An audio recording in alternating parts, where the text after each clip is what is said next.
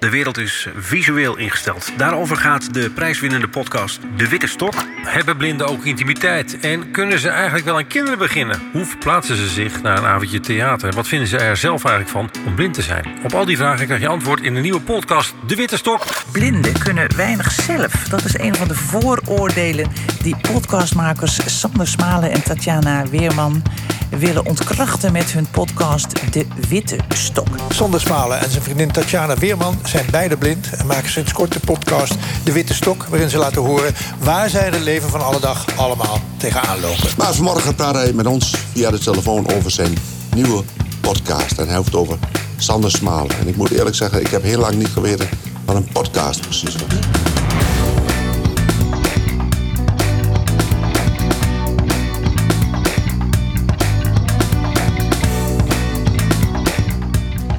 Het is 15 oktober 2023. Het is de internationale dag van de Witte Stok.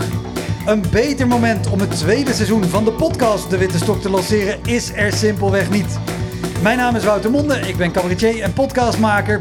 En half Hilversum heeft ze al aangekondigd, maar ik nog niet. Maar nu zijn ze hier, Sander Smalen en Tatjana Weerman. Live vanuit de Bibliotheek Marienburg in Nijmegen lanceren wij seizoen 2 van de Witte Stok. Laat het applaus klinken voor Sander Smalen en Tatjana Weerman.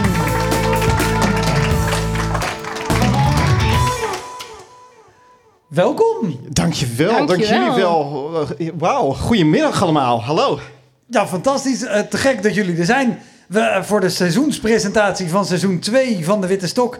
We gaan het doen sowieso eh, namens, ik denk namens iedereen, gefeliciteerd met het tweede seizoen. Ja, dankjewel. Ja, dankjewel. dankjewel. Het is, eh, het is bizar. Ik bedoel, we hebben er eh, heel lang aan gewerkt. Echt heel lang. En dat het dan nu dus vandaag naar buiten komt, dat is heel bijzonder. Dat is een heel gek, een heel gek gevoel ook.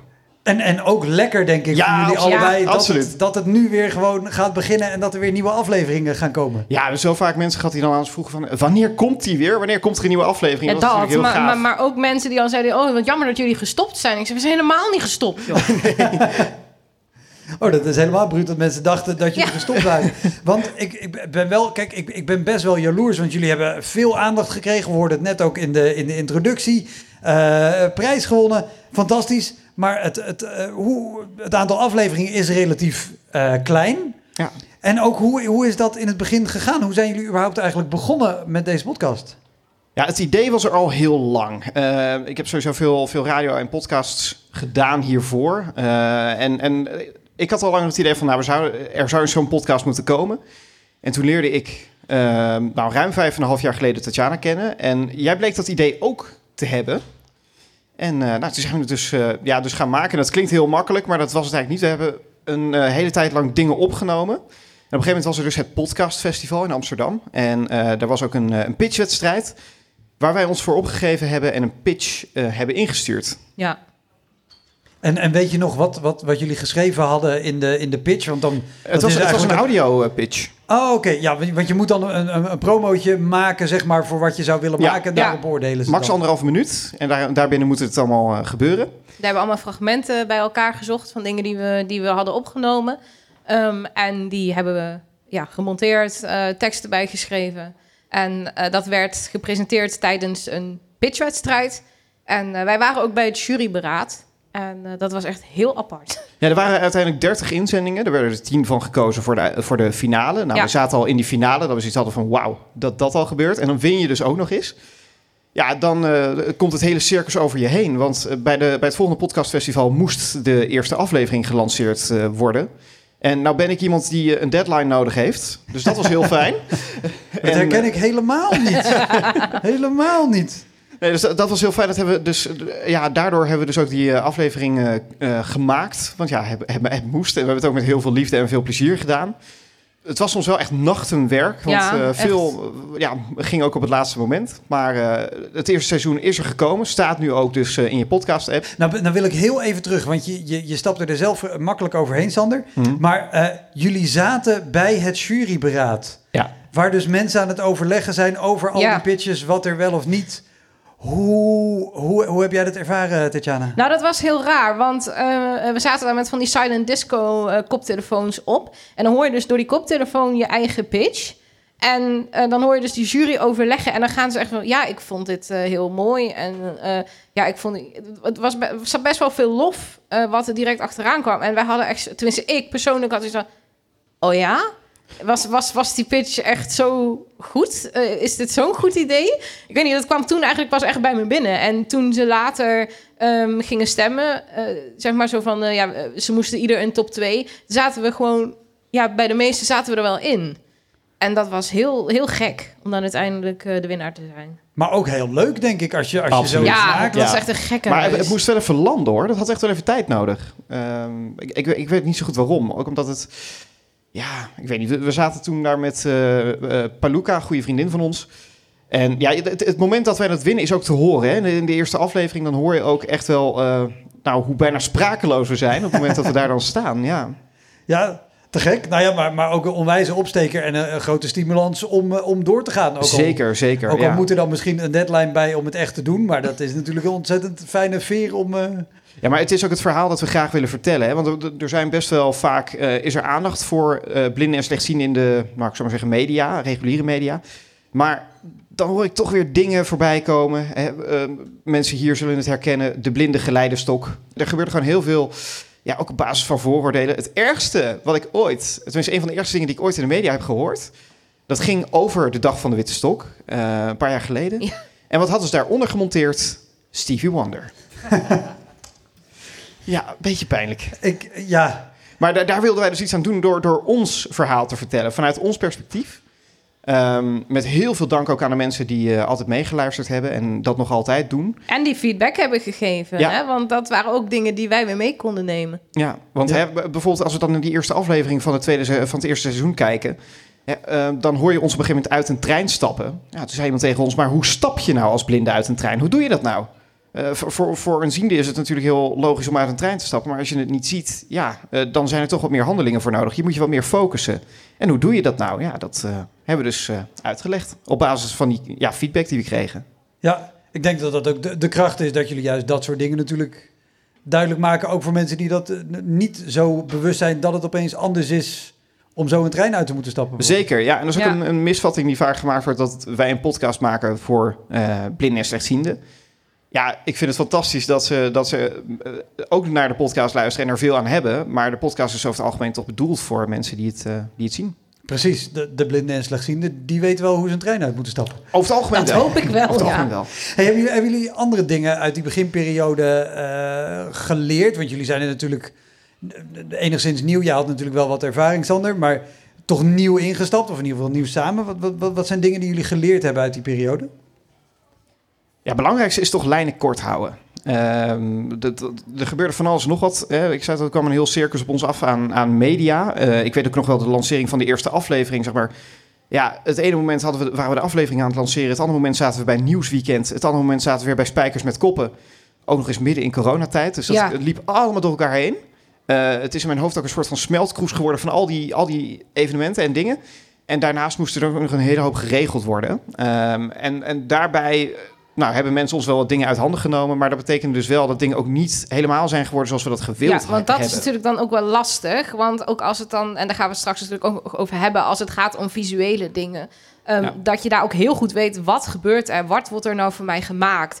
Ja, we hebben een, eh, een logo dat destijds voor ons gemaakt is. En ehm, ja, ik, ik, ik heb altijd het gevoel... Maar goed, ik kan het zelf dus niet zien. Hè? Dus eh, ik, ik moet me dan ook weer baseren op wat ik van anderen hoor. En die zeggen, ja, het, het, nou ja, het logo is er, maar daar is dan ook alles mee gezegd. En nu hebben we toch echt wel, eh, nou, als ik de reacties zo van mensen hoor, een fantastisch logo. Je, je gaat het zo meteen ook zien. En je kunt het dus nu ook in je podcast-app eh, zien als je dit hoort. Ja, en, en zo zijn er heel veel dingen uit het eerste seizoen die we in het tweede seizoen anders hebben gedaan. Ook eh, de hele opzet is veranderd. Hè? Waar we bij het eerste seizoen toch wel een beetje reportageachtige afleveringen maakten van eh, digitale toegankelijkheid, het reizen met het openbaar vervoer, Theaterbezoeken. theaterbezoeken. Zijn we nu toch wat meer, eh, wat zeg ik, we zijn eigenlijk compleet overgeturnd naar het interviewen van mensen en die mensen centraal stellen in die afleveringen. Een Goed, goed leerpunt, denk ik. En, en de- Ja. Ja, zeker maar- ook voor de, voor de duurzaamheid van de podcast. Ja, Maakt dat het misschien ook makkelijker om het, om het langer vol te houden en, eh, en weer nieuwe eh, afleveringen te Het maken. zorgt er ook voor dat je leukere gesprekken hebt. Want wat, we- wat we daarvoor deden was eigenlijk heel veel mensen opzoeken. En dan vroegen we, nou, wat kan jij eh, vertellen over geleidehonden? Oh, ja, dat en dat en dat. Oké, zetten we dat in het vakje geleidehonden. Ja, Als we ooit een aflevering over geleidehonden gaan maken, plakken we dat ja, allemaal precies, achter elkaar. precies. Wat vertel je over reizen? Wat Ja. vertel je over mobiliteit? Wat vertel je over, over uiterlijk? Eh, we hadden eigenlijk gewoon een heel riedeltje, een, een, een heel lijstje. En nu hebben we het dus gewoon echt specifiek toegespitst op de persoon of personen die we hebben gesproken. Ja, eh, en we gaan dadelijk, want in, in dit nieuwe seizoen zijn dus ook per aflevering eh, is er één centrale gast. Ja. Eh, gaan we dadelijk ook nog dieper op in wie er te gast zijn. En een aantal van die gasten zijn ook hier, daar gaan we ook nog mee praten. Eh, maar, eh, ik zei het net kort in de introductie ook al, eh, het, het is ook wel al even geleden dat, die- dat dat eerste seizoen gekomen is. Er is in de afgelopen twee jaar eh, ook gewoon in je eigen leven een hele hoop veranderd. Een hele intensieve periode geweest, nog even los van de start met het maken van de podcast en alle, alle media-aandacht daaromheen. Absoluut, ja. ja ik, ben, eh, ik ben twee keer verhuisd. Eén keer eh, ja, van Graven naar Nijmegen en eh, daarna weer van, van Nijmegen naar Nijmegen, zeg maar. eh, naar de plek waar ik nu woon. Ja, Midden in de stad. En ik kan je wel zeggen, ik vind het fantastisch. Ik ben er echt heel blij mee. Maar het, het heeft best wel wat voeten in de aarde. Want je moet een hoop nieuwe mobiliteitsroutes leren. Eh, het wonen in een... In een nou, ehm, hoe zeg ik dat? Ik wil, ik wil Graven niet slechter voordoen dan het is. Maar het wonen in een, in een echt volwaardige stad... Ja, dat is wel even wat anders hoor. Eh, bedoel, een hoop scooters die er staan en fietsen en andere dingen. En mensen waar je dan dus eh, rekening mee moet houden. Ja, dat is wel even wat anders. wat, wat is het grootste punt van, van aanpassing geweest? Wat echt nieuw was eh, nu je in de stad woont? Oeh. ehm, ja, vooral de drukte. Dat is echt wel. En, en het gekke is ook dat heel veel mensen tegen mij zeiden van ja, maar wil je net niet gewoon in een, in een dorpje wonen? Want daar is het rustig, daar is het lekker overzichtelijk. Nee, liever niet. Geef, geef, geef ons die drukte maar. Want er zijn, en dat merkte ik ook. Ik bedoel, ik heb de, de route hier naar de bibliotheek een paar keer ook gelopen. Ehm, ook omdat een aantal mensen vanaf het station eh, eh, wilden worden opgehaald. Nou, daar konden we bij helpen. Maar wel omdat we die route wisten. En op het moment dat er dus iets niet helemaal lekker ging bij het oefenen van die route. Er is altijd iemand, in de meeste gevallen, die je kan helpen. En, en, en als je maar duidelijk bent met hè, wat heb je nodig, ehm, dan, dan kan dat. En dat is wel echt heel mooi om dat eh, te merken. En Ja. ja. weet je, in zo'n. Ja, ik kom zelf uit een heel klein, eh tenminste relatief klein dorpje. En daar ben ik een keer in mijn eigen straat verdwaald. En daar was ik gewoon helemaal niemand. Dat is ook gewoon wel, wel gek dat je weet, nou, ik sta 100 meter van huis af. Maar ik kom gewoon niet thuis totdat ik iemand gevonden heb die me gaat helpen. Ja, dat is een hele rare ervaring. Ik, eh, ik herken het, ik heb het ook een keer gehad, maar dat was in de periode dat ik nog graag dronk. en dat had, had niks met mijn wel of niet kunnen zien eh, te maken. Eh, nou zeg je, er is hier altijd wel iemand op straat, maar er ligt ook iemand aan jouw voeten die jou daar tegenwoordig bij kan Absoluut. helpen. Ja, ja. Ehm, het heeft best wel wat tijd geduurd, maar het, is er- het is er toch van gekomen. Ik heb een eh, geleidehond. Nou, eh, ze ligt hier inderdaad eh, tussen mijn voeten. Het is eh Saar, een golden retriever. En ja, ook dat is ontzettend hard werken geweest. We hebben in het vorige seizoen ook aandacht besteed aan de geleidehond van eh, Tatjana. Nou, mocht je die aflevering nog niet gehoord hebben, doe dat nu eerst even, want spoiler, dat is het niet geworden. Ehm, daarover veel meer in, in die aflevering. Ehm, het is voor mij ook niet makkelijk geweest. Ik bedoel, het is echt ontzettend hard werken. Je moet het niet onderschatten. Zeker die beginperiode. Maar op het moment dat je eenmaal de koppeling met elkaar gemaakt hebt, want zo voelt het echt. Ja, dan kan je heel ver komen samen. En dat vind ik ook nu fantastisch. hè. Ik bedoel, we komen hier nu het podium op. Ehm, eh, Dennis, die op dit moment techniek doet, je hoort hem zo meteen ook. Ja. Eh, die liep met Tatjana voor mij uit. En wij lopen erachteraan. Op die manier zijn we er heel snel. Ja, en dat vind ik zoiets moois. Ja, maar het is ook heel eh, geheel met ons drieën nu opnieuw de weg vinden. Ja. Opnieuw de routine vinden. Hoe verplaats je je met z'n drieën? Wat je anders gewoon... Ja, je haakt bij elkaar in of Sander pakt mijn tas en eh, het loopt wel. Het is nu... Sander heeft nu een veel sneller looptempo dan ik als, eh, als Saar echt vol gas geeft. Ehm, het is gewoon heel goed nu ook uitzoeken hoe gaan we ons verplaatsen. Hoe, eh, hoe doen we dat? Dat je elkaar niet kwijtraakt. En ik zeg je heel eerlijk, ik heb ook heel vaak, ik hoor hem dan niet lopen en dan zeg oh, waar is die nou weer? En, en ja, het, het, het is echt een hele nieuwe weg zoeken met z'n drieën. Ja, we hebben het heel goed moeten afstemmen. En nog steeds. Dat we echt, je, je moet hele simpele dingen moet je Ja. overleggen. Hè? Ja, het is ook, hij, eh, we hebben dan wel eens gezegd van, nou, dan wachten we daar eh, op die hoek. Maar Sander was de hoek al om en was een paar meter verder. Maar ik stond netjes op die hoek. Dus ik denk, waar blijft hij toch? Ja, hij was al verder gelopen. En ik zeg, eh, we zouden toch bij de hoek wachten? Oh ja, ik dacht, ik geloof... Ja, dat soort dingen. Ja, en dan moet je denk ik ook alle drie inderdaad eh, Ja. gewoon helemaal in die nieuwe situatie, eh, situatie. Want het is nu drie maanden. Hoe, hoe, eh, hoe, ga- hoe gaat het nu? Zijn jullie goed op weg? Ja, ik kan wel zeggen fantastisch. Ik ben echt heel blij dat ik, dat ik met haar mag werken, want zo voelt het echt. Ehm, ja, ze, ze doet het steeds beter. En ze heeft ook wel eens de, de, Ja, de het is hoor. af en toe, Ja, hoor. ja absoluut. echt, eh, absoluut. Want, want ik kwam net binnen Ja. en zei ik, oh wat leuk, Sarah is er ook, ze ligt op de tafel. En zei, ja, ze is nu rustig, maar ze heeft inderdaad wel diva-gedrag. Ja, absoluut. Wat, wat is het, het, het, het meest diva wat ze, wat ze gedaan Ja, heeft tot ze, is, ze is groot fan van liften en parkeergarages. Ja. Dus, dus als, we, als, je, als je hier naar de bibliotheek toe loopt bijvoorbeeld, moet je een trap op. Nou, daarnaast is de lift. Daar staat ze altijd even stil, dan gaat altijd die kop even Ja, naartoe. maar dat doet ze ook als je op het station naar de Ja, trap gaat. ja, Dan loopt ja. ze ook door naar de lift. Dus ik weet niet of ze gewoon lui is, maar... Ja, maar je, je, je moet wel consequent blijven dan en toch om die trap vragen. Want als ik dan de lift pak, dan denk ik, oh, als ik de lift aanwijs is het ook goed. Nee, we willen echt die trap. Dus dat, Ja. ja. Dat, is, dat is hard werken. Het is vaak dingen ook overdoen.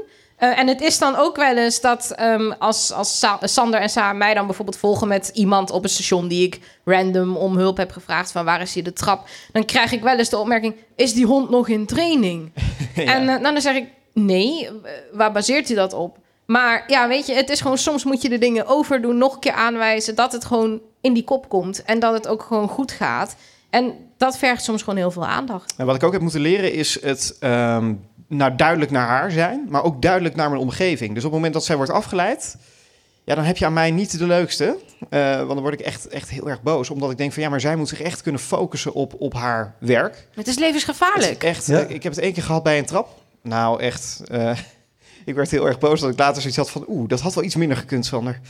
Maar ja, dat is toch... Ja, ook Ja, maar weer- het, ook het is levensgevaarlijk. Als, jij, als jij die hond afleidt, net bij een stoep, bij een trap, bij- maakt niet uit Ja, waar. perronrand, ja. Hè? Het maakt niet uit waar. Als zij uit concentratie is, dan kun jij naar beneden kukelen. Ja, dan is het inderdaad een gevaarlijke situatie. Ehm, een ander ding, want jullie noemden net eh, Dennis ook al even. Die doet vandaag ook de techniek, die helpt eh, de- jullie daarbij. Eh, jullie zijn ooit met hem in contact gekomen omdat jullie eh, naar zijn podcast eh, luisterden. Ja, Daar was een mailcontact van hem. Hij vroeg, zijn de alt-teksten duidelijk? Dus de, de, de beschrijvende teksten bij de, bij de afbeeldingen. Mhm. Dat is kennis waarvoor ik jullie heel erg dankbaar ben, want ik wist dat niet. Jullie kwamen ooit kijken bij een show van mij. Toen hebben we daar achteraf over staan kletsen. En toen, toen snapte ik opeens wat het was. Want ik dacht altijd, ja, waarom moet ik nou op social media zo'n tekstje erbij schrijven? Want, en dit was heel kortzichtig voor mij. Ik dacht, iemand die niet kan zien, ja, die zit ook niet op social media, want dat kan je niet zien. Nou, inmiddels weet ik beter. En wist ik dus ook wat die altteksten waren. Later deed ik een opdracht voor de overheid, waar iemand een presentatie daarover gaf. Toen kon ik zeggen, oh, altteksten. Ja, dat weet ik, dat is daar en daarvoor. Die was onder Ja. de indruk dat ik het wist. Dat ik dacht, ja, dit weet ik van de mensen van de Witte Stok. Die hebben het mij, eh, mij goed uitgelegd. Maar jullie hadden contact met Dennis, daar wilde ik heen. Eh, over het maken van podcasten. Eh, jullie hebben zijn opnamerecorder destijds ook kunnen lenen om gewoon eens even proef te draaien van joh, is dit iets voor ons, werkt dit? En van die proefopnames hebben we een kort fragmentje. Daar gaan we even naar luisteren. Oké, gaan we even gewoon praten. ja, Jij zegt nu ook iets. ik zeg iets. We slaan nu uit rond de min 20, dus hij mag weer iets harder. Oké, Eh, maar ja, goed. Beter dit dan dat hij klipt. dat is waar. Eh, ik zeg even heel hard iets, niet schrikken. ja, ik denk, nou, hij klipt niet. Ja, dit, dit was dus een, een recordertje. Het is een heel klein recordertje. Hij past in je broekzak. Ja. En dat wilde ik al heel lang heel graag hebben. Want ik had zoiets van, ja, als ik onderweg ben en er is iets wat dan ook, dan wil ik het kunnen opnemen. Ehm, en zo'n podcast, daar zit natuurlijk ook allerlei vormgeving omheen. Jingles, muziek. Die maken jullie niet zelf, maar die wordt eh, gemaakt door René Kai.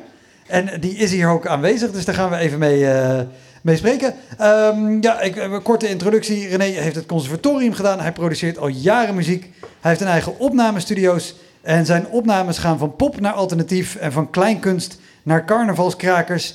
Eh, dus van alles doet hij. Nou ben ik wel benieuwd, eh, Sander en Tatjana, hoe, hoe hebben jullie René ooit eh, leren kennen? Ja, dat was midden in coronatijd. En eh, ik denk dat het publiek nog wel kent Clubhouse.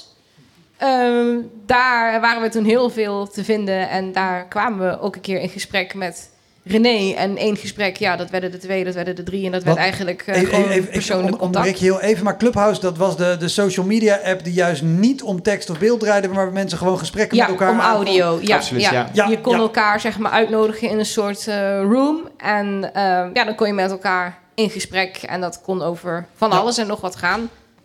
Hoe, hoe is het toen gekomen tot, totdat jullie zeiden, hé, hey, maar eh, wij hebben eigenlijk eh, wij hebben een, een muziekje nodig? Nou, ik, ja, we hebben eigenlijk heel veel eh, gepraat over muziek. Eh, een, een nou, gemeenschappelijke liefde van ons, mag ik wel zeggen. Eh, over goede muziek en minder goede muziek. Daar zullen sommige mensen ook nog wat een en ander over weten. Want ook daar hebben we wat dingen over op Clubhouse gedaan. Eh, en eh, ja, weet je, het gesprek ging over zijn studio. En nou ja, dat we dus allebei met, eh, zowel René als ik, met montage en geluid bezig zijn. Dat soort dingen. En eh, ja, toen kwam we dus ook op eh, De Witte Stok, dat we een nieuw seizoen aan het maken zijn.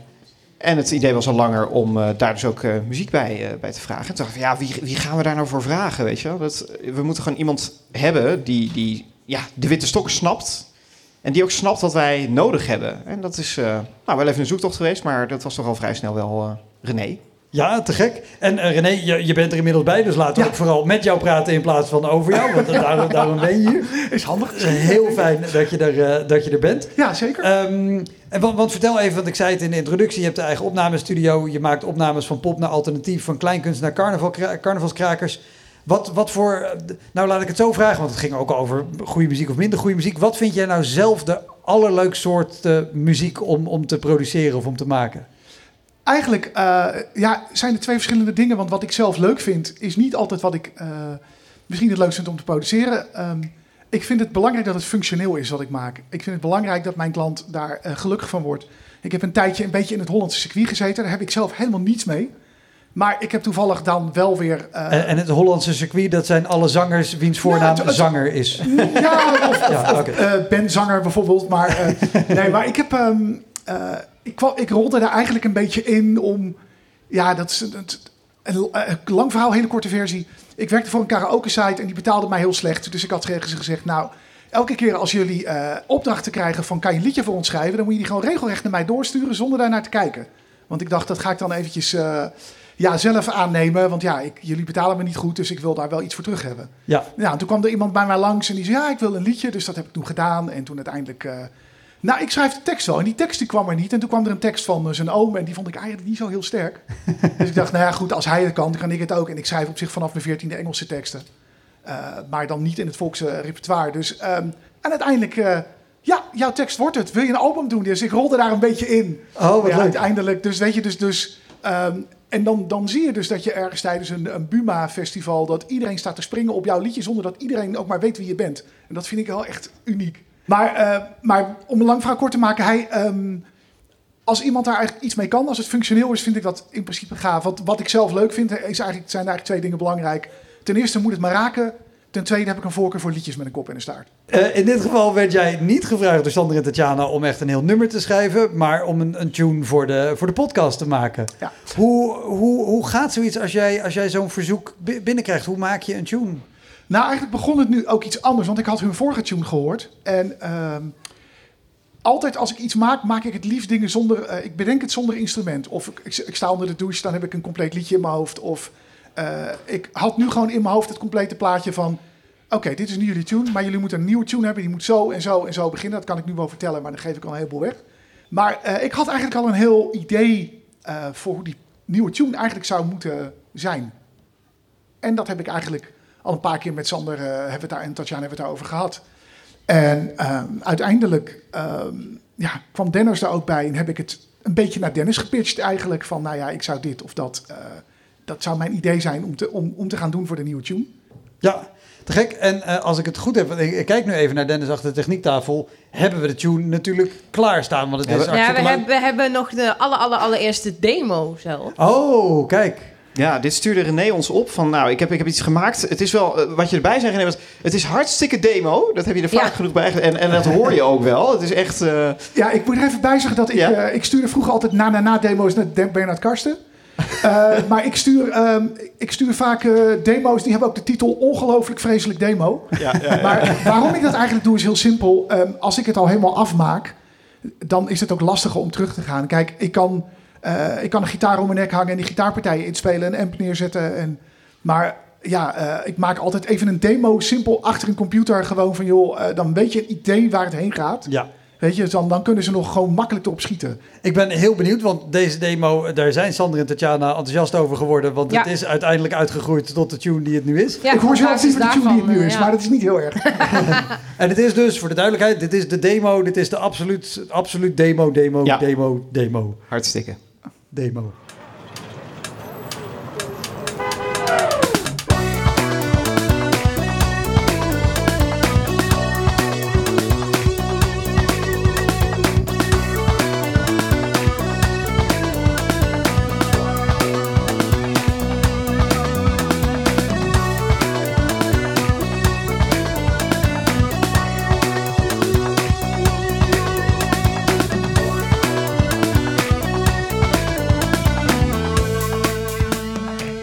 Dit is typisch een voorbeeld van...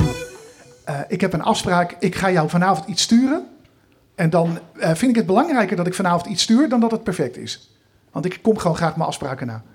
En daar is dit een heel, go- heel goed voorbeeld van. Ja, nou, je, volgens mij ben je heel erg aan het indekken, maar hoef je je nergens voor te schamen. Dit was een hele goede demo, dat was, eh, was helemaal prima.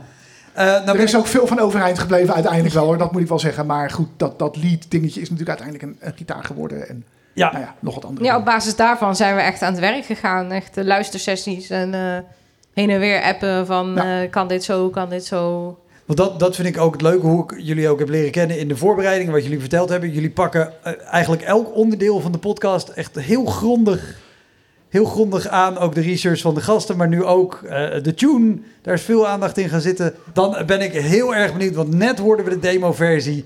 Eh, en die is weer terug naar jou gegaan. Luistersessies gehad, heen en weer gepingpongd. Wat willen we nou echt hebben? En dat is vervolgens deze tune geworden.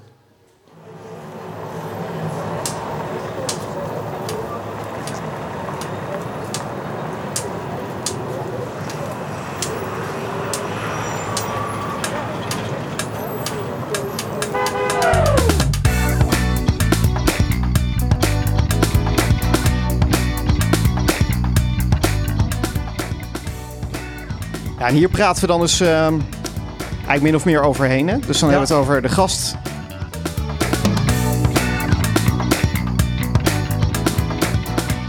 En het verschil is inderdaad, dit is niet meer alleen maar computer, maar er zit een echt gitaartje in Ja, en alles klinkt net iets voller. En lekker lopende bas ook.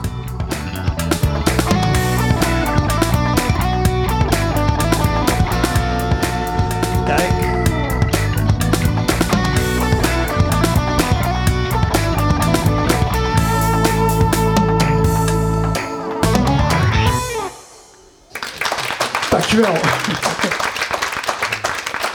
Ja, Te gek. Misschien is het wel leuk om even nog even wat over dat begin te vertellen. Want dat was eigenlijk... ehm, eh, het idee wat ik had was van...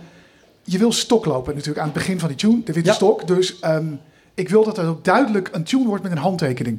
Dat tikken van die stok, nou, dat moet je in ieder geval horen. Ik heb samples van Tatjana en Sander gekregen van hun stok. Met het kleine recordertje. Wat je Ja, ja, waarschijnlijk wel, dat weet ik daar, niet, Daar maar- kwam je van pas. Ja, zeker. Ja. Dus eh, dat heb ik opgestuurd gekregen. Dus daar ging ik mee aan de slag. Maar ik had iets, ja, hoe kom ik nou aan dat verkeer? Eh, nou, gelukkig heb je dan samples, libraries waar het verkeer in New York eh, in staat. dus je hoort gewoon het verkeer van New York. Daar hoor je dus die, die stok doorheen. En ik vond het eigenlijk wel mooi van, ja, ehm, aan het eind, het was echt puur, puur toeval. Daar heb ik ook heel erg om gelachen. Maar aan het eind van die verkeerssample zat een toeter. Ja. Gewoon een autotoeter. Ik vroeg toen nog aan jou, heb je dat expres gedaan? Nee, dat was puur. Dat, dat was gewoon per ongeluk timing. En ik vond het eigenlijk zo te gek, die toeter. Ik dacht, daar moet natuurlijk een eh, auto achter die in de remmen vliegt. Zodat je bijna het idee hebt dat iemand onder een auto terechtkomt. En dat is gelijk een goede toonzetting voor, Ja. eh, voor die hele podcast. Dus dat heb ik toen zo gemaakt. En dat Oh, was gelijk... eh, ja, dat, dat ontstaat ook, ook op die manier. Dingen ontstaan ook door het te maken, weet je. Je hebt een idee in, in grote lijnen. En dan, ja, dan ontstaat het ook... Er ontstaan ook gewoon variaties op dat thema... doordat je het aan het maken bent. Ja, nou ja, ik, ik denk dat hij heel geslaagd is, want het past, eh, als je het zo hoort, het is onmiskenbaar een stok. Het past perfect bij de inhoud. Het klinkt eh, eh, hartstikke mooi en absoluut niet als een demo en, en met allerlei eh, voorbehouden en, en mitsen en maren erbij. Nee, Dus een, een, een jingle, een tune om heel erg trots op te zijn. Ehm, wij gaan door naar het volgende onderwerp, het volgende onderdeel van de podcast. Maar geef me alsjeblieft nog een heel groot applaus. René Kai.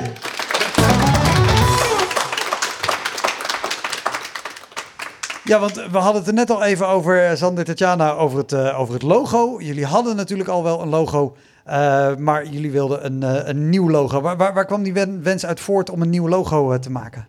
Of een nieuw logo te willen? Vooral eigenlijk van onze luisteraars, wil ik bijna zeggen. Ja. Dat was het toch wel. Ehm, dat, dat mensen zeiden van ja, maar jullie moeten toch echt wel een logo dat er, eh, nou, dat, dat met recht naast alle andere podcasts in mijn app kan staan, zeg maar. En, en dat is, eh, ja, waardoor we, waarvoor we eigenlijk Dennis vroegen van, hey, ken jij iemand die ons daarbij zou kunnen helpen? Ja, en eh, die kende hij wel. En dat is Jorik. Kom lekker zitten. Jorik, je bent eh, onderdeel van Studio Another Day. Je bent eh, fotograaf. Ja, ook. De, ja, ja, ja, niet heel professioneel, maar ik kan wel aardig fotograferen. Denk ik inderdaad. Ik, ik stel voor, voor iedereen die vanaf nu komt, dat we ons niet meer indekken en gewoon trots zijn op alle mooie dingen die jullie maken. Want ik heb net een geweldige tune gehoord. Ik zie jou mooie foto's maken met een Ja. goede camera. Dus als jij zegt, eh, ik maak een beetje foto's, ben je volgens mij veel te bescheiden. En maak je gewoon hele mooie dingen, want anders was je ook niet gevraagd Dat om het logo te maken. Dat Ik heb hier, eh, als je wil, heb ik ook een watertje. Ja, lekker. En dit is echt water. Want ik begreep dat het bij het kennismakingsgesprek even misging met, met, met water en wat er uiteindelijk voor je neus verscheen. Wat, wat is het verhaal? Nou ja, in die zin. Oh, ja. ja, Ja, ja, ja, je mag het vertellen hoor, Jorik. Ja, zeker. Nee, ja, inderdaad. eh, nou ja, geval om even terug naar het begin te gaan. Eh, Dennis die contacteerde ons, eh, die vertelde het verhaal van de Witte Stok, de podcast. Net een eerste seizoen gehad, heel succesvol. En ja, wij waren eigenlijk meteen heel erg geïntegreerd door het verhaal. En nou, Dennis vroeg aan ons, zouden jullie daar iets voor kunnen betekenen? Hè? In de vorm van een logo, aanzet tot een huisstijl. Ik nou ja, dat... We vonden het meteen een hele interessante opdracht. Want wij zijn natuurlijk elke dag eh, bezig met beeld, met, eh, met iets visueels neer te zetten. En nu was eigenlijk de vraag om iets te ontwerpen voor eh, mensen die eigenlijk het visueel niet zouden kunnen beoordelen. Dus dat, dat was heel interessant. Van hoe ga je dat dan vormgeven in die zin? Nou, toen zijn we dus, eh, heeft Dennis ons, eh, of mij eigenlijk, ik ging toen alleen volgens mij naar eh Sander en Tatjana, ons uitgenodigd. Ja, klopt. Ja, en nou ja, was meteen een hele leuke klik, hartstikke gezellig. En ik weet niet meer precies, er was iets met een bier en water inderdaad. Ja, het was jij, jij vroeg om, om water en dat kreeg je ook. En toen zei Oh ja. Dennis van Sander, heb je bier? En toen was het, eh, ja, eigenlijk wil ik dan ook wel. eh, Ja, het is- dus uiteindelijk Ja, zaten we allemaal gewoon met een Eh, biertje eh, te overleggen. Ja, Ja, Even als side note, het was vrijdagmiddag 4 uur, hè? Dus dat, eh, het was eh, Dan- bijna weekend. ja, dat, dus, dat eh. Ja. Ik, ik, ik snap dat als je dan ergens binnenkomt, dat je denkt, ja, hier komt ook misschien gewoon een opdracht uit. Dat je dan aanvankelijk zegt, doe maar een watertje. En dat je niet binnenkomt met, doe mij maar Nou, bier. Het was ook wel een warme dag. Ik had oprecht ook wel dorst. maar ik had ook wel dorst naar bier blijkbaar. Dus eh, dat eh, kwam eh, prima uit zo. kwam helemaal goed uit. Ja, want, want je zei het al even, ja, het is toch bijzonder als je, je, je bent maker van visuele dingen. Ja. Dan krijg je opeens het verzoek, joh, kan jij iets maken voor mensen die het niet zelf kunnen zien en kunnen beoordelen? Ja. Wat, wat, was jouw, wat was jouw eerste gedachte? Want ik kan me ook voorstellen dat je denkt, ja, maar dat, dat, dat, dat, daar kan ik helemaal niks mee. Of dacht je, dit nou, dat Nee. vind ik wel interessant, we gaan eens kijken juist wat we er dan mee kunnen juist, doen? Juist interessant. Eh, eigenlijk is, is ontwerpen gewoon het scheppen van een ervaring. hè. Of dat nou visueel is, of dat je het kan voelen, of dat je het kan horen. Eh, de, de opdrachtgever of degene voor wie je ontwerpt, die moeten daar een emotie bij krijgen of iets, iets, iets mee kunnen voelen. Dus wij zaten meteen al te denken, nou, stel dat we iets maken, we moeten het eigenlijk eh, zo simpel maken dat we het ook driedimensionaal zouden kunnen maken, zodat onze opdrachtgevers, die in dit geval het eh, op een scherm niet zouden kunnen zien, wel zouden kunnen voelen en de, de vormen leren te ontdekken en kijken wat voor gevoel ze daarbij krijgen. Dus nou, dat is al een gedachte waar we mee eh, aan de slag gingen. Ja. En in die zin hebben we dus ook tijdens toen wij het gingen presenteren, het nieuwe logo, hebben we het heel mooi uit laten lezen. En voordat ik een heel verhaal erover begon te vertellen, van voel, voel gewoon maar eens even wat, wat, wat je in je handen hebt en wat, wat doet dat met je. En eh, ja, volgens mij was eh, Sander, jij de eerste die het volgens mij vast Klopt, ja, ja, ja, ja. Ja, dat vond ik wel heel bijzonder. Want het was, eh, ik vond het ook heel gaaf dat jullie daar zo in meedachten. Want dat heb ik dus nooit gehad. Dat iemand dus echt beelden maakte en, en beelden voor me maakte. En daar dan ook een voelbare versie van maakte. En ook, ik vind het eigenlijk ook wel jammer dat het heel weinig gebeurt. Ja, ik heb eigenlijk zelden tot nooit logo's gevoeld van andere organisaties of van, van dingen. En om nu ja, dan als eerste logo maar gelijk dat van de Witte Stok te mogen voelen. Ja, fantastisch. ja, dat is echt heel gaaf. Ja, en eh, we kunnen eigenlijk de, de, de presentatie die jullie destijds gegeven hebben van het logo en Ja. ook het voelbare logo, die kunnen we hier eigenlijk een beetje eh, reconstrueren. Ja. Ja. Want Ja. er staat hier achter ons een groot scherm waarop het logo zo meteen te zien is. Ehm, en we hebben ook het, het eh, 3D laser gesneden eh, voelbare logo is hier ook. Dus dat kunnen we dadelijk eh, eh, na afloop of misschien nu ook al even rond laten gaan. Ehm, maar wat ik eigenlijk, zeker ook voor luisteraars van deze podcast, eh, wil vragen, Jorik, eh, aan jou de vraag om naar het, Ja. eh, naar het scherm te gaan. Als je erop tikt, dan verschijnt het logo. Ehm, en dan kan je ons misschien ook er even doorheen praten met wat het logo is. Dus wat er te zien is of straks Ja, te voelen is. Zeker. Nou ja, waar we eigenlijk meteen al eh, ook in ons hoofd hadden, eigenlijk hoe wij aan het proces beginnen. We zijn met z'n vier op de studio. We gaan altijd eerst even met z'n allen brainstormen, kijken naar wat is nou de opdracht en wat zijn nou de competenties waar het, zich aan moet, eh, waar het aan moet voldoen. Dit is dus voor een podcast, dus dat wordt vaak heel klein gebruikt. Dus eh, we hebben zoveel mogelijk details eh, gestript. Ik denk dat het een beetje het probleem met het eh, voormalige logo was dat er heel veel gebeurde. En door er eigenlijk, als het heel klein op je overzicht van iTunes bijvoorbeeld ziet, dan, dan viel het heel erg weg. Dus voor ons was het heel belangrijk, het moet klein overeind blijven staan. En in die zin hebben we eigenlijk gekozen voor een typografisch logo, waarop we eigenlijk ja, best wel een letterlijke manier de witte stok hebben verwerkt door de typografie heen. We hebben het over drie regels verdeeld. Er staat de, en daaronder witte en daaronder stok. En die hebben we in een kleine hoek gezet, wat ook een beweging eh, suggereert. En door de D eh, van boven naar beneden komt de witte stok in beeld. En de I van witte is eigenlijk ook een deel van de stok. En de stok van de K is ook het, eh, een deel van de stok. En onderaan het laatste stukje van de stok. Dus op deze manier hebben we eigenlijk geprobeerd een heel simpel logo te maken. Wat gewoon ja, precies zegt wat het is. En wat heel erg op eh, kleine formaten tot zijn recht eh, blijft komen. Dus dat is eigenlijk. eh, ja, ja, Het, is, het is heel erg herkenbaar. Als Ja, het. podcastmaker herken ik inderdaad het, het probleem dat je denkt... ja, maar het, het moet, ik wil iets duidelijks hebben, maar het moet in een heel klein vakje. Want op een telefoon zie je het soms maar van, van een halve centimeter Ja, bij een halve centimeter. En eh, de, de witte stok zit er inderdaad in Ja. met de kenmerkende rode streepjes erop. Ja. De achtergrond is ook nog eens rood, dus daar komt het ook Ja. weer eh, terug. En wat ik ook leuk vind, wat we net hoorden in de tune... waar aan het einde eh, toch de, de remmende auto zit met de, met de tutor erbij...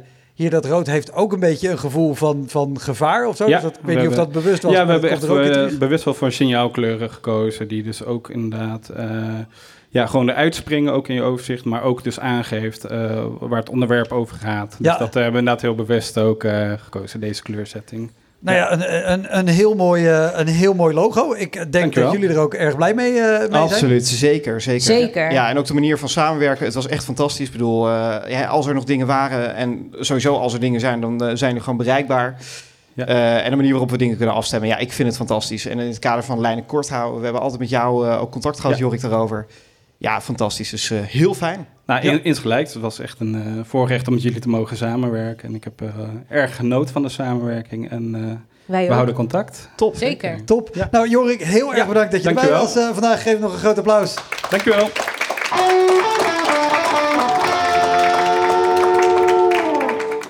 En ook goed, eh, eh, zeker voor iedereen die het logo eh, kan zien, zou ik zeggen, als je nou wilt delen hoe mooi dit logo is, dan deel het vooral op social media en zeg, hey, check dit toffe logo. En de podcast is nog veel toffer. Ga allemaal luisteren.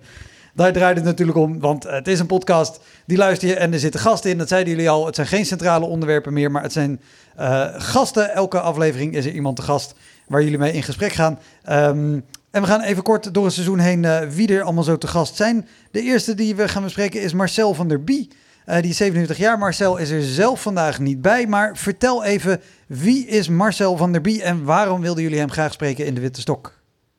Ehm, ja, w- ja, wie is Marcel? Marcel werkt bij eh, Defensie eh, als eh, loopbaancoach. Ehm, ja, wat, wat kan ik verder over Marcel zeggen? Een ontzettend leuk eh, iemand. Ook wel een, een beetje een rebels iemand, vind ik. Ehm, het, het is allemaal niet zomaar vanzelf gegaan bij hem. Hij, hij heeft eh, het ook best wel lastig gehad met de acceptatie van zijn blindheid. Ehm, en, en dat is nou, best wel een, ehm, een ding geweest waar, waar wij het over hebben gehad. Hij heeft mij ook geholpen, een hele tijd geleden, lang voordat het, eh, deze podcast begon. Hebben wij, eh, heb ik een gesprek met hem gehad, omdat het ging bij mij allemaal niet zo eh, fantastisch. Eh, ik had mijn middelbare school net afgerond en ik wist eigenlijk niet zo goed hoe nu verder. En ehm, hij heeft me wat handvatten gegeven waardoor ik weer verder kon. En dat klinkt heel, heel makkelijk en simpel, maar het was echt geen makkelijk en simpel gesprek. Om nou een rolmodel te noemen, dat is misschien, zou, die te veel eer vinden, maar dat is hij wel. Uh, ik, ik ja, vind het fantastisch hoe hij zich door het leven slaat af en toe. Maar ook wel weet te genieten van uh, mooie dingen. En nou, daar hebben we over gesproken. Over zijn schooltijd ook. En, en hoe dat geweest is. over het op de reguliere HAVO zitten als blinde leerling. En hoe je dan tot die leerlingen verhouden. Um, en over later de zoektocht naar werk. En we hebben ook een fragment hier klaarstaan. Het gaat over de, het moment dat hij, ja, hij... Hij wil zijn blindheid toch een beetje verbergen. Ook op, die, op die HAVO waar hij zat. Ging hij niet bij al die blinde leerlingen zitten. Kom op zeg. Nee, hij ging bij alle andere zienden zitten. En probeerde zich ook zo ziend mogelijk voor te doen. Ik was op vakantie in ehm, Tsjechië met een groep. En ik was de enige blinde in die groep. En dat was, nou dat klikte niet zo goed. Het was een beetje een waardeloze groep. Nou ja, een avondje doortanken, behoorlijk wat bier gedronken. En ik, op een gegeven moment, ik, ik wilde van de tent, wilde ik naar, mijn, naar het toilet of zo. Weet ik, ik moest ergens heen en dat lukte niet. Niemand van die groep wilde mij ook begeleiden. Toen dacht ik, op een gegeven moment werd ik zo kwaad. Ik denk, godverdomme jongens, nu is het klaar. Toen heb ik mijn stok gepakt. En dan heb ik gedacht, jongens, vanaf nu hoort die stok gewoon bij mij. Gaat hij gewoon overal mee naartoe. Uh, er is op een of andere manier een klik geweest toen. En sindsdien heb ik ook eigenlijk altijd mijn stok bij me. Al is het alleen maar om herkenbaar te zijn als blinde. En om gewoon, uh, ja, ook een stukje de zeker. Het heeft mij toen de zekerheid gegeven van: oké, uh, die heb je blijkbaar nodig. Mensen zien daardoor aan jou dat je blind bent. Dat is niet altijd leuk, maar het is wel duidelijk. Ja, ik vind het dus een bijzonder fragment. Uh, omdat bij Marcel was er dus één moment waarop hij dus zoiets had van... ja, maar die stok hoort bij mij. Ik accepteer gewoon die, die, die, die blindheid. Ja, dat vind ik heel bijzonder. Ik, ik, herken dat bij mezelf namelijk niet. Dat is bij mij echt een fase geweest, een, een veel langer proces. En er is niet één moment bij mij aan te wijzen uh, waarop, ik dat, waarop ik dat had. Nee. Lijkt me ook. Uh, nee, laat ik het anders zeggen. Is, is het soms confronterend, de gesprekken die jullie uh, voeren met, met gasten? Nee, niet echt. Nee. Nee, het nee, gaat nee. vaak wel vooral, vooral herkenbaar. En die, hoor je, die herkenning hoor je ook wel op sommige punten terug. Um, ik vond het vooral confronterend. Uh, we gaan het zo meteen over, uh, over Carine hebben. Ja. En um, nou ja, ik heb dus... Uh, Carine die, die werkt bij Bartimeus, een organisatie voor blinden en slechtzienden. En ik heb dus met Carine gewerkt toen ik een nou, jaar of negen was. En um, toen maakten we ook samen radioprogramma's. En als, als illustratief voorbeeld is er dus ook een stukje radio daarvan in de podcast beland. Dus dan hoor je mij dus als negenjarig jochie onder de schuilnaam Jan Smit. Ja, echt waar. Uh, hoor je mij een, een, stuk radio maken. en, en ja, dat was wel confronterend om, om dat, die tape door te luisteren. Te kijken van, oké, okay, gaan we dit echt doen? En nou ja, Tatjana heeft best wel wat druk op me moeten zetten... om toch uiteindelijk ja, die opname er wel ja, in te krijgen. Maar het is gelukt. We gaan, we gaan even luisteren. Ja, dit stuk nee. gaat, um, gaat dan over um, een, een heel ander deel. Oh, okay. oh ik, ik, dacht, dit is het fragment nee, waar, waar nee, we jou nou ja, als, als Jantje Smit horen. Daarvoor moeten mensen nou juist die aflevering gaan luisteren. Dat is een ja, goede en dat teaser. kan al heel snel. Um, maar waar, waar dit fragment eigenlijk naartoe gaat is... Uh, ze geven ook uh, vanuit Bartimeus wat ervaringslessen... Hè, voor ja. mensen die uh, indirect met anderen met een visuele beperking te maken hebben. En ja, wat, wat leer je nou in zo'n les? Nou, dat hebben we aan Carine gevraagd. We leven natuurlijk in een hele visuele wereld. En de taal is daar ook heel erg op afgestemd. Dus op een moment uh, dat iemand zegt hier of daar of verderop. Uh, of als je de weg vraagt, dat iemand gewoon iets aanwijst. Dat zijn wel dingen waar heel veel mensen zich niet bewust van zijn. Dat het uh, niet concreet genoeg is voor iemand die niet kan zien. Dat proberen we dan wel goed uit te leggen van hoe kun je dan het beste iemand daarin ondersteunen. Door het heel concreet te maken, bijvoorbeeld met de klokmethode. En dat je zegt, van, nou, je staat op 12 uur, drie passen van je af. Was jij dan nog wel eens voor op je vingers getikt door iemand die dan blind is van, uh, nou ja, dat je dan toch onbewust dan zegt, nou, iets staat hier of daar? Nee, inmiddels, ik denk dat dat er wel heel erg in zit. Het is meer bijna dat ik, uh, als ik dus bijvoorbeeld met mensen loop die geen visuele beperking hebben, dat het er zo in zit dat ik het daar dus soms ook doe. Of dat ik zeg van, uh, oh, er komt een afstapje. Of uh, weet je wel, dat je dus heel erg uh, verbaal aan het vertellen bent van wat er gaat komen, zeg maar. En dat is wel heel grappig wat ze hier zegt over dat ze bij mensen die geen visuele beperking hebben, dat dus ook doet ken, herken ik heel erg van mijn moeder. Die zit bijvoorbeeld ook wel eens aan mijn vader uit te leggen wat er op dat moment op tv gebeurt. um, terwijl mijn vader dan tegen haar zegt: Ja, Tatjana is hier nu niet. Dus uh, ja, dat, dat herken ik dan wel heel erg. Mooi voorbeeld. Ehm, en dan, eh, Tatjana, als ik jou gelijk mag vragen, want eh, laten we lekker eh, doorgaan naar de volgende aflevering. Eh, of dan de, de volgende gast die we eruit lichten, Marjolein van den Broek. Die is ook eh, het gast geweest. Eh, waarom wilden jullie haar graag eh, spreken? Waar hebben jullie over gesproken? Ik kwam Marjolein al heel veel tegen in de media en heb regelmatig ook interviews van haar gelezen. En toen dacht ik van, nou kom, het is nu eigenlijk eens tijd dat je jouw verhaal ook bij ons vertelt. Ehm, ik wilde eigenlijk wel het hele verhaal horen van eh, Marjolein. Marjolein is slechtziend geboren en ehm, is in 2014 volledig blind geworden. Of nou ja, ehm, al een paar jaar eerder werd haar ene oog geamputeerd. En in 2014 heeft ze eigenlijk zelf ook de keuze gemaakt, omdat ze merkte dat het niet meer ging om ook haar eh, andere oog te laten amputeren. Ehm, dus dat is best wel een, een dingetje, best wel een proces. Dat je gaat van 6% zicht ehm, naar niks. En dat ja, vond ik een verhaal wat ik echt van kop tot staart wilde horen. Want overal lees je maar fragmenten en, en stukjes. En Ja, maar ook om haar zelf aan het Ja. woord te horen. Hè? Dat vind ik ook de, nou, de kracht van de aflevering. Ja. Absoluut. En, en ja, indrukwekkend eh, verhaal als je het zo kort, eh, kort beschrijft.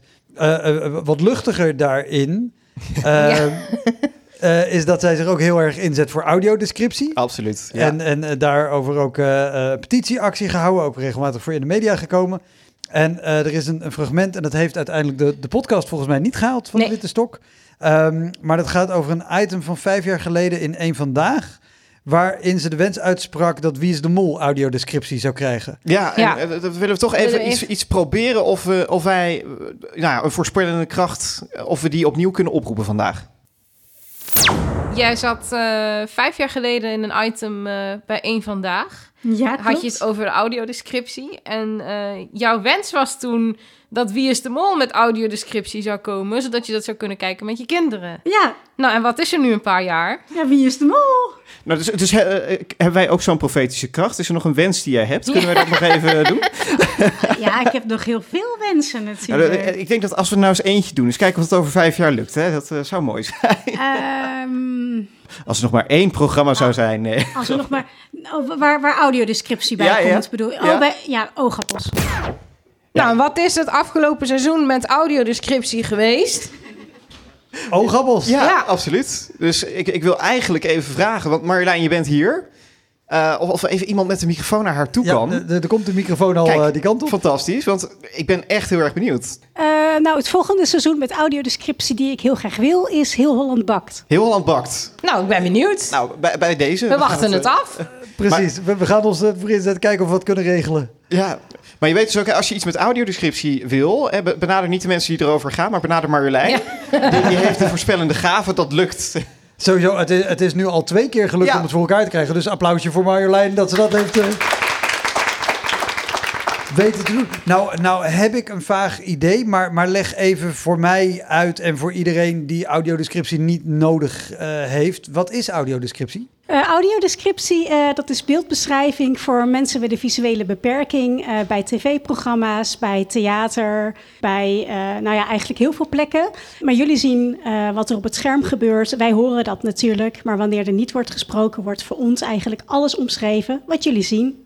En, en moet ik me dan zo voorstellen dat bijvoorbeeld bij, bij, eh, nou, bij Heel Holland Bakt... waar het nu nog niet is, maar over vijf jaar dankzij jouw eh, voorspellende gave natuurlijk wel is... eh, daar heb je natuurlijk wel eens een shot dat iemand bijvoorbeeld een, een, een eh, aangebakken taart uit de oven haalt. Eh, die is duidelijk heet, want het trekt er handen vanaf, er komt rook vanaf. Dan is er gewoon een voice-over die, die vertelt... deelnemer X haalt een, eh, een brandende taart eruit en brandt er handen. Of hoe moet ik dit... Ja, precies dat eigenlijk. En dan wordt er ook bijvoorbeeld verteld eh, hoe vreselijk die taart er dan uitziet. Eh, het is wel objectief, dus ze zullen nooit zeggen dat het er vreselijk uitziet, maar gewoon van het is helemaal zwart geworden. Ze verbrandt nu eh, de handen, ze kijkt er heel pijnlijk bij. Ehm, nou ja, wat ik zelf bijvoorbeeld heel erg leuk vind bij Boer zoekt vrouw nu. er wordt niet verteld welke boer knap is, maar er wordt verteld hoe iemand eruit ziet. En nou, dan weet ik wel welke boer ik knap vind. Te gek. Ehm, de laatste gasten van de aflevering waar we het over gaan hebben, die zijn hier eh, ook aanwezig. Die zitten hiervoor. Dat zijn Kim, Rosalie en Claudia. Die hebben eh, samen op speciaal onderwijs gezeten en sindsdien goede vriendinnen. Studeren alle drie momenteel aan het, eh, aan het HBO. Waar, Sander en Tatjana, waar hebben jullie met ze over gesproken? Ja, we hebben met ze gesproken, vooral, tenminste, we hebben ze ontdekt door het YouTube-kanaal dat ze hebben. Ze vloggen op het kanaal Anders Bekeken. En dat is heel erg breed, eh, ja, wa- waar, waar het zo al over gaat. Ze hebben ons ook geïnterviewd en, en dat is een beetje een kruisbestuiving eh, geworden. Ehm, ja, eigenlijk hebben ze gewoon maar eens een keer benaderd van... hey, zullen we eens een keertje praten over wat we samen kunnen doen? Eh, want ja, eh, ze zijn wel, nou ja, ik zou, je mag gerust zeggen mensen met een mening. Hebben we ook een stukje van, want ehm, ja, dit is eigenlijk wat we nu laten horen. Even een, een stukje gesprek over, nou, wat mensen, wat zien de mensen zo al tegen ons zeggen op het moment dat we over straat lopen en vooral wat wij daar dan van vinden. Oké. Kom je vandaan? Waar ben je geweest? Ook al vraag ik alleen maar eventjes op het station om het fietspad over te steken. En dan denk ik van, je hoeft niet gelijk mijn hele levensloop... eh, Nou, maar dan, dan, dan vraag ik het ook vaak terug, hè, van, ah, maar wat heb jij vandaag gedaan? En dan, dan voelen ze ineens hoe, hoe awkward die vraag dat is zijn. sowieso bij heel Ja. veel dingen. Mensen die denken, oh, je hebt een beperking, dus dan kan ik het vragen. Of eh, aan anderen, zeg maar, ook al als je bij welke minderheidsgroep dan ook hoort en je gaat daar een specifieke vraag over stellen, dan draai die vraag eens om. Mag jij dit vragen aan, aan iemand zonder beperking? Mag je dit vragen aan een wit iemand? Mag je dit vragen aan iemand die hetero is? Weet je wel? Als je het omdraait, is het dan nog steeds een goede vraag? Als het antwoord nee is, stel die vraag dan maar gewoon helemaal niet, zeg maar. Helemaal terecht. Ja. Eh, dit, is, dit is Kim die we hoorden. Ja. En eh, nou ja, zij is dus eh, onderdeel van, eh, van de club Anders Bekeken. Ja. Ja, hartstikke leuk. Ik moet gelijk denken aan een filmpje wat onlangs rondging op, eh, op social media. Waarin mannelijke sporters dezelfde vragen krijgen als die aan vrouwelijke sporters worden gevraagd.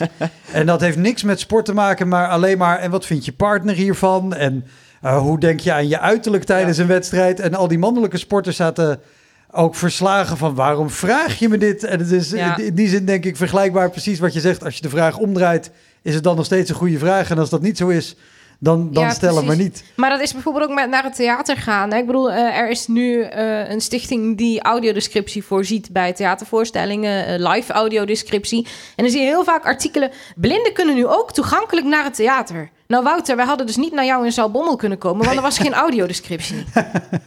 Ik, ik ben wel benieuwd. en Kim, dan, dan vraag ik het even aan jou. We hoorden jou net ook. Ehm, en, en, en, en vergeef het me eh, als dit eh, eh, de, de, de verkeerde vraag is van iemand die, die, zelf wel kan zien. Als ik hoor blinden en slechtzienden die gaan vloggen, dan denk ik dat is een uitdaging. Want het is een medium waarbij beeld toch echt wel bepalend is. Hoe, hoe, hoe doe je dat? Nou ja, gewoon op de gok eigenlijk. Gewoon kijken, richten op het geluid en kijken of het erop staat. En het helpt natuurlijk ook wel iets met editen dat Claudia en ik allebei nog iets van restvisies hebben. We verdelen het een beetje. En op die manier is dat eigenlijk gewoon prima te doen. En ja, vooral gewoon eh, ja, gokken of alles erop staat. Eh, en ik moet zeggen, mijn ouders die zijn wat ouder. Die filmen met hun mobiel op exact dezelfde manier. En die hebben prima zicht. Dus eh, Nou ja, daarom. Dus zie je, dus dat, dat, dat, komt allemaal dat goed. is allemaal gewoon hartstikke oké. En zo te horen doen jullie dus hartstikke goed. En, eh, en waren jullie daarom ook de gast in de witte, in de stok. Dus de, in de witte stok. Dus dan, dan gaat het helemaal...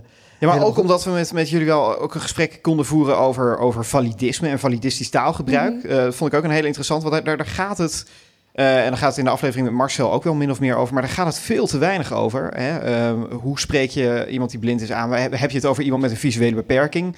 Of gebruik je de visuele uitdaging? Nou, eh, Nee. je, je hoort het al. Eh, waar ik fan van ben en waar niet. Maar d- dat vind ik een hele interessante. Dus daar hebben we het eh, heel fijn over kunnen, kunnen hebben. Dus dat gaat binnenkort online komen. Ja. Helemaal mooi. Eh, dank jullie wel. Sowieso te gek dat jullie er waren. Geef ze ook een applausje. Kim, Rosalie en Claudia. Ja, namens mij bedank ik jullie alvast dat jullie er waren. En eh, Sander en Tatjana, eh, jullie heel erg bedankt dat ik hierbij mocht zijn en, en onderdeel mocht zijn van de Witte Stok. En eh, volgens mij zijn we er doorheen, zijn er geen vragen, dus ik geef jullie graag het laatste woord. Ja, het eh, gaat dan nu toch echt gebeuren. Het seizoen gaat live. Ehm, nieuwe afleveringen. Wij verheugen ons ontzettend op. Er zijn een aantal eh, mensen die we, die we willen bedanken. Sowieso jullie allemaal voor het hier naartoe komen. Want eh, Ja. ik weet dat sommigen echt eh, van, van een ja, idioot eind hebben moeten reizen om hier te komen. En nou, dat vind ik erg gaaf, erg mooi. En eh, nou, dat, dat, dat raakt, me, raakt me wel, raakt ons wel. En Dennis aan de knoppen, maar ook onze steun en toeverlaat bij dit hele gebeuren. We hebben veel gesprekken gehad. Ja. Ehm, je hebt veel En, beluisterd van ons en veel adviezen gegeven. En, Hele goede, fijne feedback. Fijne discussies gehad ook. Vind ik heel fijn. Eh, dat, dat, nou ja, ook over audio en, en over alles konden we wel gewoon eh, in discussie gaan. Was, was heel mooi. En ehm, nou, iedereen hier bij de bibliotheek, eh, bibliotheek Marienburg, bibliotheek Gelderland Zuid, heel erg bedankt dat we hier mochten zitten en mogen opnemen. Even denken hoor. Emma voor het rondwandelen met de microfoon. Natuurlijk René en Jorik. René en Jorik, zeker. Ja. En het Groeispurtfonds. Het Groeispurtfonds voor het helpen mogelijk maken van deze podcast. En Wouter, heel erg bedankt. Absoluut. Dank jullie wel.